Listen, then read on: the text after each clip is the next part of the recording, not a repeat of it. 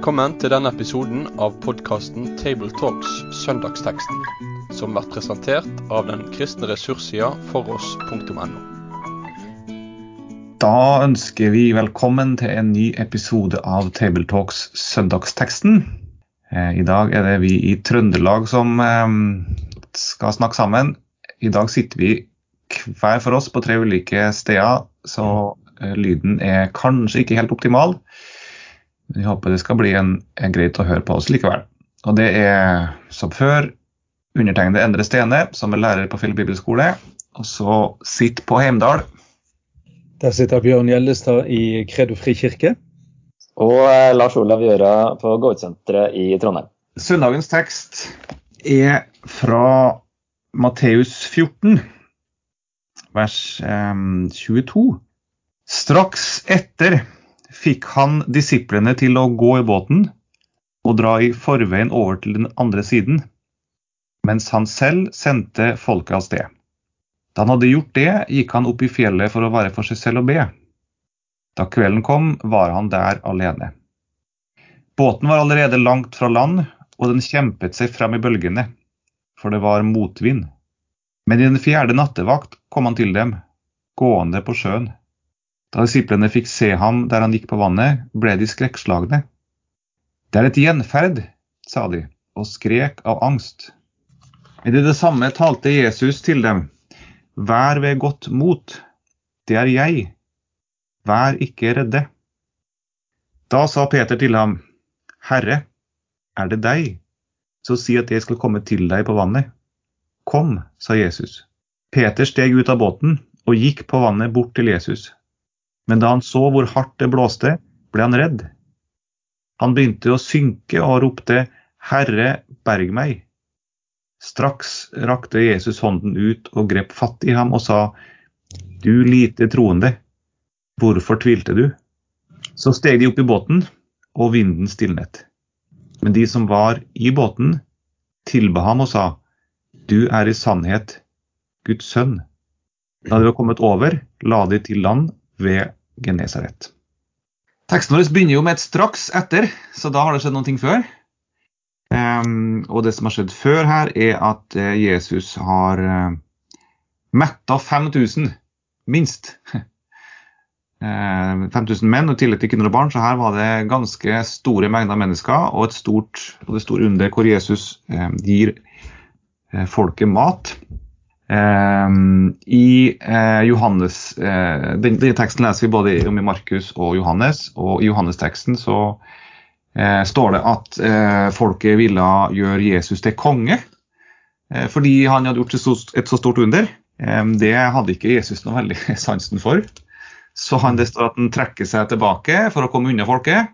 For seg sjøl, faktisk. Ikke engang tar han med seg disiplene, men han går helt for seg sjøl for å unngå det som nå folket vil. Og så sender han disiplene eh, over fra seg, og så går han for seg sjøl og ber. Det er situasjonen her. Hva tenker dere om det? Jeg tenker at eh, det er jo litt interessant at den situasjonen som Peter og disipler havnet i, den har Jesus eh, sendt de ut i. Eh, og det, det, er i hvert fall litt sånn tale, syns jeg i hvert fall, at eh, at når vi opplever vanskeligheter og motgang, så tenker vi lett at eh, kan det være fra Gud? Men her er det i hvert fall tydelig at de, de var lydige. De gjorde det, det som Jesus eh, ba dem. Og det er tydelig at de må ha vært lenge ute på, på havet, at, eh, eller på sjøen, fordi at eh, denne turen over der skulle normalt ikke tatt så lang tid som eh, det synes å ha gjort her. da. Men det er min første tanke. Jesus sendte de, sendte de rett ut i vanskelighetene. Mens han er for seg sjøl på fjellet og ber? Ja. ja det, det, er tydelig det at han og, det er jo tydelig at han har tenkt at han skal eh, komme til de seinere, men eh, han, han, lar det ikke slippe med disse vanskelighetene. Han sender de ut i de. Det syns jeg er litt uh, interessant å tenke på. Det er jo også en eh, underlig observasjon det at Jesus går for seg sjøl og ber. Det der er liksom en sånn hm. Han har behov for det, altså. Ja. Vi ser jo det allerede i vers 13 at han, han hadde jo prøvd å gjøre det før. Etter at han hadde hørt at Johannes var blitt drept, sånn, så dro han derfra i båt over til et øde sted for å være alene, men folk fikk greie på det, og så fulgte de etter han. Så han har jo prøvd på det, og, så det kan jo være at det er bare en utsatt tilbaketrekning og, og få bearbeide sorgen over at Johannes har blitt drept. Mm. Så kommer dette med å mette de 5000 som et intermesso. og det, tar, det er klart at den bespisningen den har tatt sin tid. Altså, jeg syns det er interessant å um, Hvis jeg ser på sånne store linjer og paralleller til Gamletestamentet også, fordi i Johannes 6 så er det jo tydelig at Jesus uh, han gjør det her som et bilde på at han er livets brød, som oppfyller dette med mannen. Og så Eh, er det interessant at det kommer et sånn vannunder i, i uh, sammenheng med mannen i ørkenen. Så noen tenker at det her på en måte korresponderer på et vis med kryssingen av Sivsjøen, da, som han for så vidt krysser en annen sjø. Eller om det er at han sørga for vann i ørkenen av Gud i, i Gammeltestamentet. Men at det er en interessant kobling da, med, med brød og vann, i hvert fall her òg. Mm. Det er også noe, vi skal, vi skal, ikke dvele ved det, det tar for mye tid. Men det er, det er noe med det, det, det, at Jesus går for seg selv og be og, og trenger alenetid. altså. Eh, jeg tenker at det Ja, det, sier noe om, om, at Jesus også har fulgt helt menneske som har behov for, som, som du sier, Bjørn, også bearbeide. Eh, eh, men også at han trenger å, være med sin far. Eh, og Det forteller jo noe til oss at vi har behov for tilbaketrekning og alenetid. Og Det er jo interessant at han, han sendte jo ikke bare disipler, han sendte jo også folket av sted. Det jo, kan jo ha sammenheng med det at det er på kveld. Det er på, kveld, på kveldstid, dette her. Men også det, det, det tenker jeg også kan være en liten sånn pekepinn til oss at, uh, at skal vi kunne stå lenge i en tjeneste med å formidle Guds ord, så trenger vi også tilbaketrekning.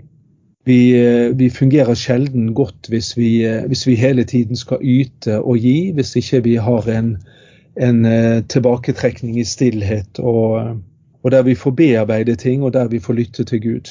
Og så er Det jo her, det tar tydeligvis lang tid. da. Det kan jo være at det tok litt lengre tid å få oppløst denne folkemengden og sendt dem hjem. Mm. Det står at han drar, ber dem dra i forveien mens han selv sendte folket av sted. Og så, selv om det tar lang tid, eller om han ber så lenge, uansett, da, så, så vil han ha denne tida oppe i fjellet. Mm. Selv om det blir eh, etter klokka tre på morgenen etter hvert. Mm. Eh, den fjerde nattevakt mellom klokka tre og, og seks. Så lar hun ikke noe komme i veien. Bare være oppe hele natta. Så det er også eh, prioriteringa han gjør da, på dette her. Det er jo ikke eneste stedet det sies at han, at han dro ut for å være alene. Men så har han ofra seg da, med å, med å liksom eh, ta seg av den eh, store folkemengden som han fikk inderlig medfølelse for, står det i vers 14. Også, men ja, så vil han fortsatt ha den tida. Og så er det interessant eh, det du var inne på der, at han dro opp i fjellet. Det var ikke riktig noe, noe særlig høyfjell rundt Genesarets sjø, men han dro opp i fjellet, og det er jo det har vi mange bilder på i Gamle testamentet, og vi ser jo det også i Nytestamentet med når man skal være vekke fra folk og være i Guds nærhet, så drar man opp i fjellet. Du har jo Moses, du har Elia, du har Jesus og, og eh, de tre nærmeste disiplene sine sant, på, eh, på Hermonfjellet, eller hva det nå har vært. Eh, så vi ser jo det med, med fjellet som eh, møtested eh, for eh, innvielse i Guds nærhet. går igjen flere steder i fjerde nattevakt, nummer 6, så kommer altså han gående på en sjø som blåser. Eh, og de får se han, og de blir skrekkslagen. Men jeg har lyst til å bare trekke frem et par ting før vi går inn på akkurat den biten, eh, Endre. og det er, det er For det første er det interessant dette med båten. Eh, jeg tenker Båten jo et, kan jo være et bilde på mange ting. Både på kirkens skip, Eh, og vi er i samme båt. Jeg syns der ligger det noe interessant å, å dvele ved. Men så syns jeg at denne kombinasjonen at det er mørkt, det er bølger og i tillegg motvind, Det syns jeg er sånne detaljer som, som for meg forsterker at, at livet gikk ikke på skinner for disiplene. Og jeg, jeg, tror det ligger mye sjelesorg, mye trøst eh, i, i, akkurat den situasjonsbeskrivelsen der, som jeg vil ha dvelt litt. Grann. Eh, hva gjør vi når vi opplever motgang? Når Gud virker langt borte, det er mørkt. Det er, og kanskje er dette et bilde ikke bare på et ytre mørke, men også hvordan man kan kjenne seg det inni seg. Sant? hvor er Jesus da? ja, og når først Jesus kommer, da så, så, skaper det bare mer frykt. Men det er jo, det er jo interessant at eh, de her har jo vært sammen med Jesus en god periode. De har begynt å ane litt hans makt, hvem han er. Um, de har nettopp kommet eh, fra et stort under. Og så opplever de dette, og så blir de bare fulle av angst og redsel fordi de møter det her. De har ikke veldig lang hukommelse. Eh, men, men, men, men, det er, men det er jo veldig gjenkjennbart. da fra, fra, fra, vårt egen, fra, vårt eget liv. Hvordan vi kan være på høyden og tenke at vi har Gud på vår side. og, og, og eh, Gud, har, det, det, er ingenting vi frykter. Mm. Og så plutselig kommer en situasjon hvor vi mister alt sammen og vi blir redd og blir angst. Mm. Så dette er jo helt gjenkjennbart i forhold til vårt eget liv. Ja. Men jeg vil, jo, jeg vil, jo, tenke litt sånn rasjonelt her at uh, dette, Flere av disse var jo fiskere, og de har jo aldri sett noen komme gående på sjøen før. Eh, og det er mørkt, så jeg tipper at de, de har ikke kjent igjen Jesus eh, i, i, det mørke. Eh, og kombinert med at ingen kan eh, gå på, på, vannet, så tenker jeg at det må Altså, vi, vi, leser det sånn ja, selvfølgelig Jesus kunne gå på vannet, men det tror jeg ikke var selvfølgelig for de heller. De brukte båt, og det gjorde Jesus òg. Så, eh, så, det er noe gjenkjennbart i, i den frykten som de, som de opplever her. Så, så, jeg tenker vi må gå ut fra at de, de ser ikke Jesus tydelig. Og, og, kanskje det er også et bilde på at når vi har det mørkt og vanskelig og Gud kommer nær til oss, så greier heller ikke vi å se han tydelig. Og vi, vi, tolker ikke alltid det som Guds nærvær, men vi kan finne andre grunner. Eh, så det ligger, det ligger noen antydninger der, òg, tenker jeg. Eh, kan eh, folk eh, gå på vannet, Lars Olav? ja, det var jeg fikk ja. Nei, jeg fikk, fikk, spørsmål av en kamerat ja, for bare et par uker siden. Vi kom inn på spørsmål om, mm. om tro og sånt. og Det første han spør om er Tror du virkelig at Jesus gikk på vannet? Hvordan fikk han til det? Og, og, og det virka som det var liksom den store hindringen til å tro. Så eh, det var merka at jeg var litt utenfor uh, min vanlige kristne boble. da, Der vi ikke henger oss opp i at det her er det vanskeligste som har skjedd. Men, uh, men som du sier, Bjørn, det var på ingen måte vanlig. så det, uh, det, men jeg tror det viser jo litt dette med at det går jo ikke an uten Altså bare han som har skapt vannet, kan gå på vannet. Og jeg syns det er interessant det med For det første den koblinga som du kanskje har til Gammeltestamentet og, og Sivsjøen og Gud eh, som metter folket der, eh, og redder dem på en måte da ved, å, ved et vannunder. Um, så har du det som kanskje et bakteppe, i tillegg til at han sier når det står 'det er jeg', så er det jo dette ego eimi som ligger bak på gresk, da, som òg kan kobles til eh, andre Mosebok 3 og eh, den brennende busken, når Gud sier 'jeg er den jeg er'. Um, selv om det òg kan være en helt vanlig eh, det er jeg. Det er sånn det kan det brukes sånn også. Men det pluss at i Markus-teksten så, så, er det sånn merkelig detalj om at han hadde tenkt å gå forbi dem. Um, gående på sjøen. Han ville gå forbi dem. Og da er det noen ting som det er Richard Hayes tror jeg, som har eh, sagt mest om det, en uh, teolog, om at det kan være uh, en henvisning til jobb 9, der det står at han alene, altså Gud alene, spente himmelen ut og gikk på havets bølger. I 9,8, og så står det i vers 11 han går forbi meg, jeg ser det ikke.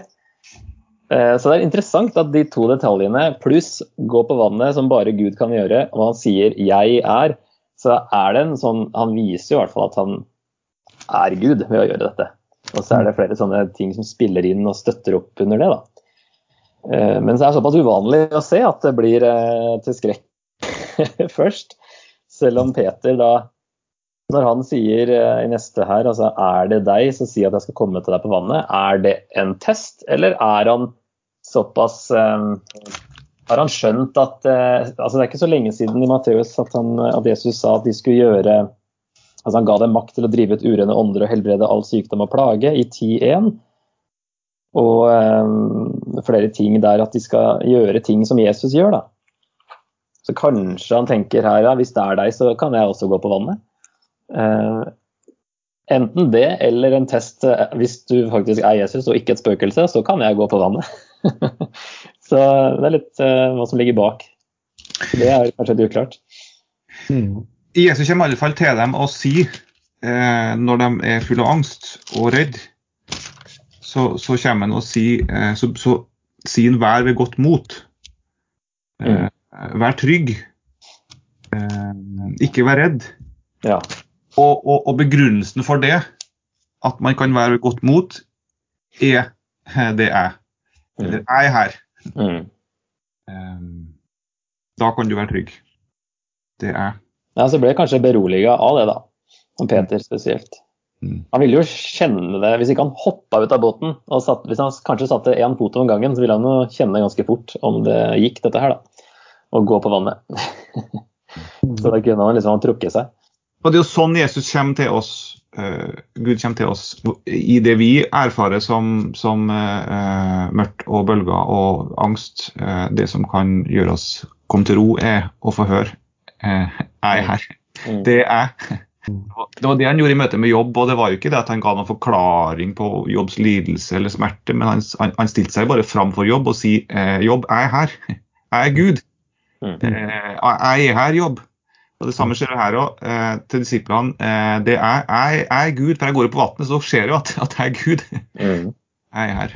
Mm. Syns jo det er litt interessant at, uh, at uh, Peter kommer med dette spørsmålet etter at Jesus har sagt både vær vi godt mot, det er jeg, vær ikke redde. Og så sier Peter eh, altså Herre, er det deg? Eh, og da tenker jeg at, eh, at eh, tvil det er nesten alltid en del av troen.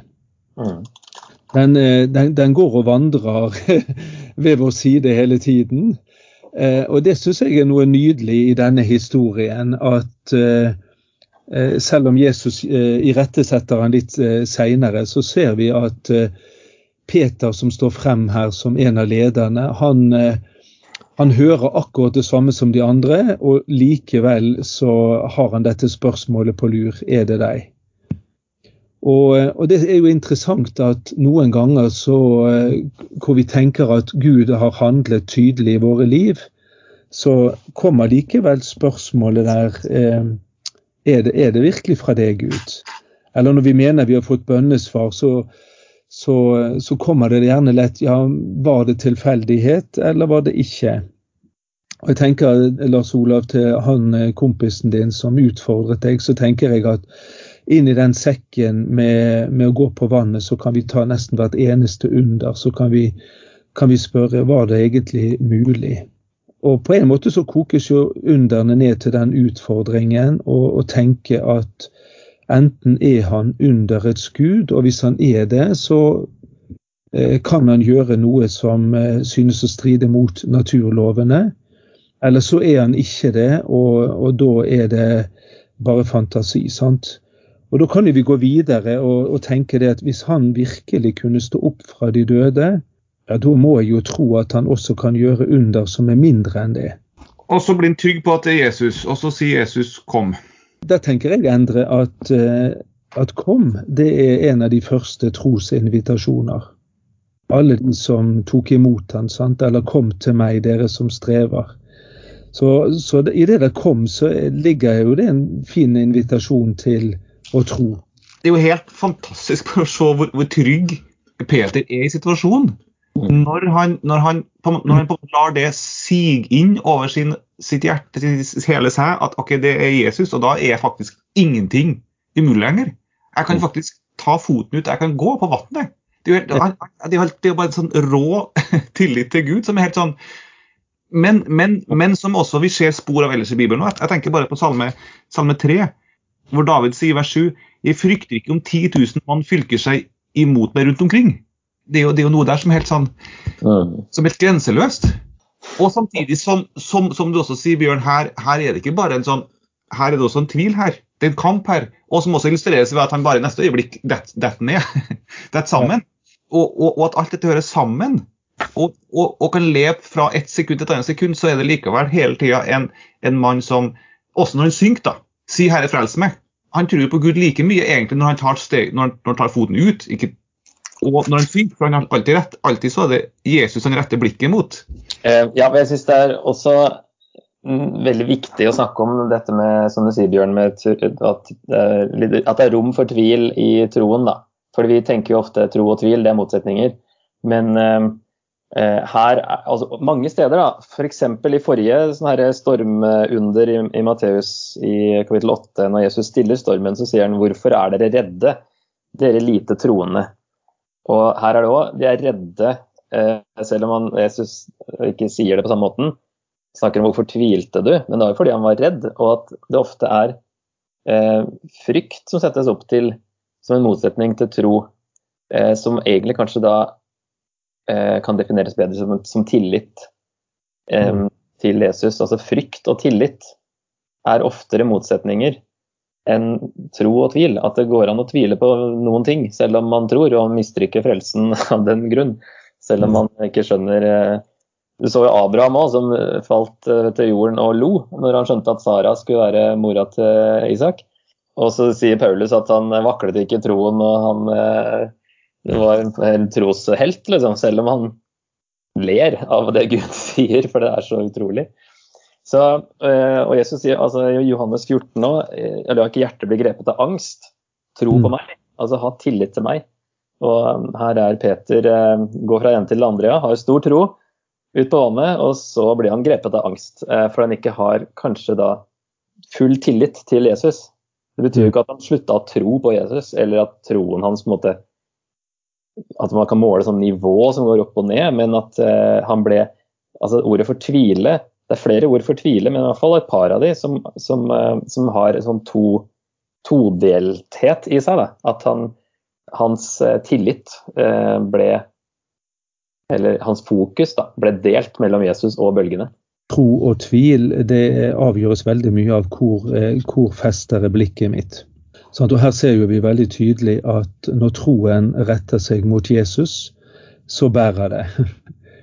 Når troen ser på omstendigheter eller ser på andre ting, så, så, så bærer det ikke, rett og slett. Eh, og jeg, husker at jeg hørte det i min oppvekst. Eh, jeg så på troen, og troen svant. Mm. Jeg så på Jesus, og troen vant. Og Det, det syns jeg kommer veldig fint frem i denne historien her. At eh, så lenge blikket var på Jesus, og ikke på umuligheten, ikke på sitt eget mørke, ikke på mot, motveden, ikke på frykten, Eh, så var Jesus nok til å bære. Det, jo, det, det, forteller jo også noe om at eh, det er, det er Jesus som, eh, som, bærer oss, og ikke vi som bærer han. Nemlig. Og det, det er så viktig, egentlig, fordi vi kan gjøre troen om til en gjerning ved å tro at vi må ha sterk nok tro. Og jeg pleier å teste studentene her av og til. Liksom, er det troen som frelser? Og så er det heldigvis noen som skjønner at nei, det er Jesus som frelser. Det er ikke troen, men vi er frelst ved tro. Ja. Det sånn at, vi, at, det kommer an på vår tro, men på Jesus som vi har fokus på. Og det er interessant også at de, altså, man, man, kan kanskje si det sånn at, Jesus, nei, at, at Peter var like trygg når han satt i båten, som når han gikk på vannet, men også når han sank. Mm. Fordi Jesus var der, og fordi han, han vendte seg også til Jesus når han holdt på å synke. Mm. Mm. Eh, og han hadde hjertet sitt retta mot Jesus i situasjonen uansett. Også når han, også når han, også når han var trygg, så hadde han ikke noe annet utvei enn å vende seg til Jesus. Tenker dere at eh, altså Vi snakker jo av og til om skillet mellom den frelsende tro og den utøvende tro. Eh, den frelsende tro det er jo at jeg tror at Jesus Kristus døde for mine synder. sant? Og så kaller Gud oss ut i verden til å forkynne evangeliet. Og da snakker vi om den utøvende troen. Og jeg tenker litt på når han, når han gikk ut av båten der, det var jo strengt tatt ikke nødvendig.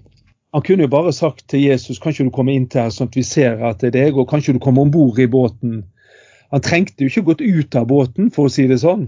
Eh, men da tenker jeg noen ganger at, at det Gud kaller oss til eh, i eh, misjonsvirksomhet, i evangelisering, ja, det å bygge menighet, så tenker jeg at det handler om å ta skritt i tro og gå ut, eh, sette foten ut av båtrekken. Altså gå utover vår komfortsone, gå på Jesu ord, sant? gå på hans løfter. Og jeg tenker at da kanskje dette handler ikke bare om den frelsende tro, men også den utøvende tro, som, som er, hvis vi kan bruke det begrepet. Straks rakte Jesus hånden ut og grep fatt i ham. Eh, altså det er i hvert fall eh, tre av salmene som snakker om eh, når Gud redder. Så er det på den måten f.eks. salme 18 Han rakte ut hånden fra det høye og grep meg, dro meg opp fra veldige vann. Og det er mm. eh, Salme 18 og salme 69 og salme 144 så er det det samme at Gud redder opp av vannet ved å rekke ut hånden. Og Så eh, kommer Jesus i båten, og så, og så har Jesus kort, et kort formaningsord. Eh, du lite troende, hvorfor tvilte du? Det minner meg litt om det Jesus sier til, til Martha når hun står der og eh, har det vondt fordi Lasarus er død. Eh, og så før, før, Jesus sier til Lasarus kom ut, så sier Jesus sa jeg det ikke, at dersom du tror, mm. så skal du forstå Guds gjerning. Eh, Martha, du, du, trenger ikke å bekymre deg. Eh, du trenger ikke, du, du trenger ikke å, å, smertes for um... Han forventer tro når han har handlet. Han forventer tro når han er i nærheten. Det er litt interessant. Og det som jeg syns er så fint i forlengelsen av dette, det er, som vi finner vel to steder i Matteus, det står at de tilba han. Eh, det står også i misjonsbefalingen at de falt ned og tilba han. Og jeg tenker at det er jo noe av det innerste i, i troens vesen og i, og i, i gudstroen vår. Der, der, ligger det tilbedelsen, sant. Det var vel Luther som også sa det at eh, din tro, det er det du henger ditt liv på. Og, og, det viser seg eh, veldig ofte gjennom hva er det som får min tilbedelse? Hva er det som jeg gir ære i mitt liv? Og der tenker jeg at eh, når Jesus er kommet om bord i båten igjen, så, eh, så faller alle til ro på en måte, og så gir de uttrykk for troens indre vesen, nemlig de faller ned og tilber han. Og vinden faller til ro også. Ja, vinden faller også til ro. Når kommer opp i båten, så gir vinden seg òg. Ja. Så Det er et interessant poeng, det. Så og så er det en kontrast da til eh, fra at de skriker det er et gjenferd, til at de sier eh, du er i sannhet Guds sønn. Det har i hvert fall skjedd en del da, fra de to eh, eh, tingene som de roper. Når han kommer, så skapes det eh, tru og tilbedelse. Ja. Og fred. Og Samtidig så sier Markusteksten også i eh, tilbedelsen så var de også eh, usikre, bestyrta, ting var ikke klart for dem, ting var ikke helt tydelig. Det forteller også noe om ambivalensen i deres tro, som også vi kan kjenne på. At ting er ikke alltid klart. Men det så tror jeg vi runder av for i dag, Eh, og anbefaler folk også om å finne andre ressurser på for oss. Eh, blant annet så ligger det hver søndag stort sett gode tekstgjennomganger av Odd Sverre Hove, som er, som er nyttig særlig for den som skal preke. Vi avslutter med en kort bønn. Herre, vi takker deg for at når du åpenbarer deg for oss og viser oss hvem du er, så kommer vi til ro. Det blir fred både rundt oss og i oss, Herre. Ja, ikke alltid rundt oss, men i alle fall i oss, Herre, når vi får komme til ro for ditt ansikt. Vi ber om det å få lov til å se deg og høre deg og komme til ro, selv om det stormer rundt oss, og ofte òg i oss, Herre. Amen. Med det sier vi takk for følget for denne gang. Finn flere ressurser, og vær gjerne med å støtte oss på foross.no.